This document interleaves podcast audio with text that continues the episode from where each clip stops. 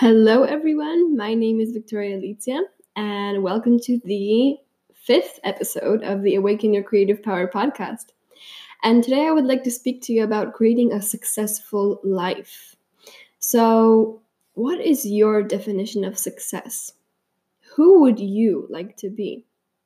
How would you like to feel? What would you like to create? How does your personal life look like? Where are you? Who are you with? If you would like to, stop this recording right now and visualize your successful life for a moment. Today I realized I do not know exactly how my dream life would look like. I felt like because I did not have my vision clear and my goals set, I was wandering aimlessly. Because how can life know what to give you if you don't know what you're asking for? It's not really about how you are going to achieve this life, it's more how you would feel if you were already there. Visualization is a powerful tool, especially right before you go to sleep.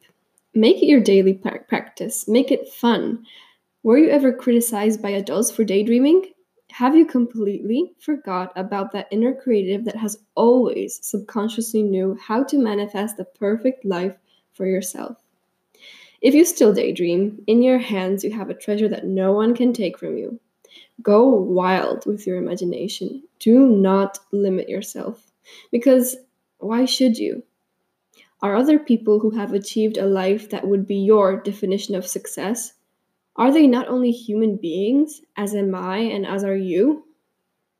That woman who is financially abundant and living her dream life was once a girl daydreaming of a life where she could be happy and fulfilled. That man who was achieving all his goals was once a boy daydreaming of life where he could express himself and feel secure.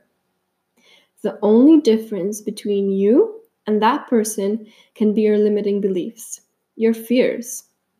Do not let yourself be molded into a passive consumer without any imagination and passion in his heart. You have a unique talent even if you don't see it. And this unique talent will guide you to your successful life, only if you let it unfold. So, once again, how does your dream life look like? What is your definition of success? Write it down, and you will already be one step closer to achieving it.